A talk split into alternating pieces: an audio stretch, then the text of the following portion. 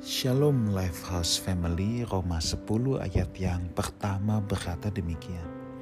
Saudara-saudara, keinginan hatiku dan doaku kepada Tuhan ialah supaya mereka diselamatkan. Saudaraku, luar biasa.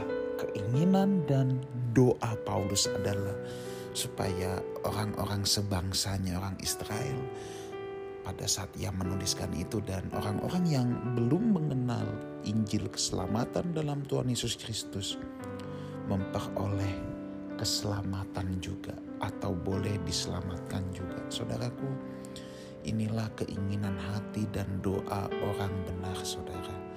Kalau kita mau tanya jujur sama diri kita, apa sih yang menjadi keinginan hati kita? Kalau Tuhan tiba-tiba datang sama saudara dan ditanya, apa keinginan hatimu? Kalau kita mau jujur, apakah kita bisa seperti Paulus, saudara? Jawabannya adalah, aku ingin mereka, orang-orang yang belum mengenal Injil Tuhan Yesus, boleh juga diselamatkan.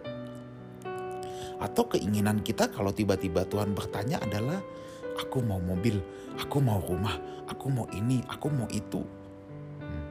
Kira-kira yang mana saudara? Salah satu ciri orang yang sudah benar-benar diselamatkan adalah dia juga tidak rela kalau melihat orang lain, orang-orang yang dikasihinya berjalan menuju api kekal. Dia juga pasti lebih dari harta benda apa pun, lebih dari kesenangan-kesenangan hidup, dia pasti mau melihat orang-orang yang dikasihinya juga bersama-sama dengan dirinya memasuki kerajaan Tuhan. Saudaraku, di sini kita belajar untuk tidak menjadi orang Kristen yang egois, yang hanya memikirkan I, me, and myself. Yuk kita tilik keinginan-keinginan hati kita, doa-doa kita. Kita jujur saudara kalau kita berdoa misalnya 15 menit, 20 menit, apa sih yang kita doakan? Apakah yang kita doakan hanya tentang diri kita sendiri? Atau yang kita doakan jiwa-jiwa yang terhilang saudara? Ketika Tuhan Yesus berdoa saudara, yang lebih banyak dia doakan siapa? Oh bukan dirinya, murid-muridnya. Sebab dari murid-muridnya itu Injil akan diberitakan.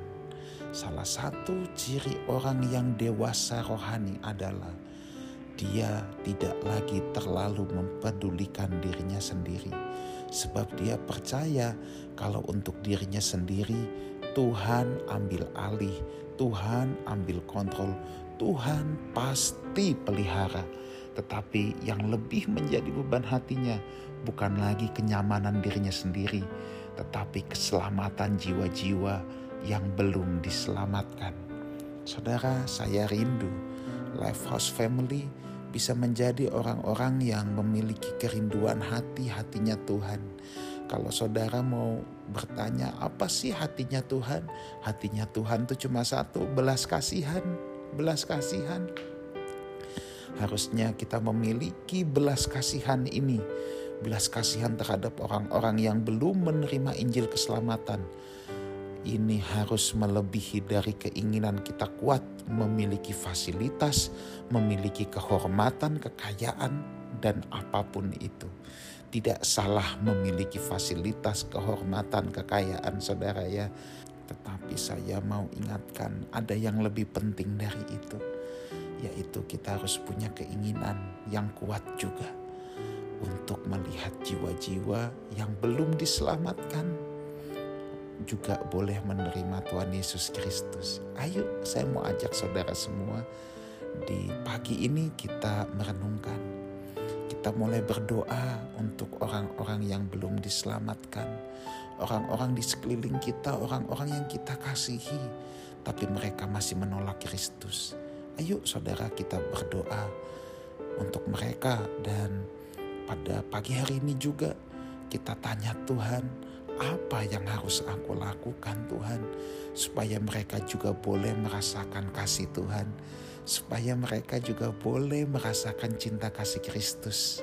Dengan demikian kita belajar menjadi orang-orang Kristen yang tidak egois tetapi kita belajar menjadi orang Kristen yang dewasa rohani yang mau memiliki hatinya Tuhan hati Bapa hati yang penuh belas kasihan kepada jiwa-jiwa yang terhilang. Kiranya Tuhan memberkati kita semua. Haleluya.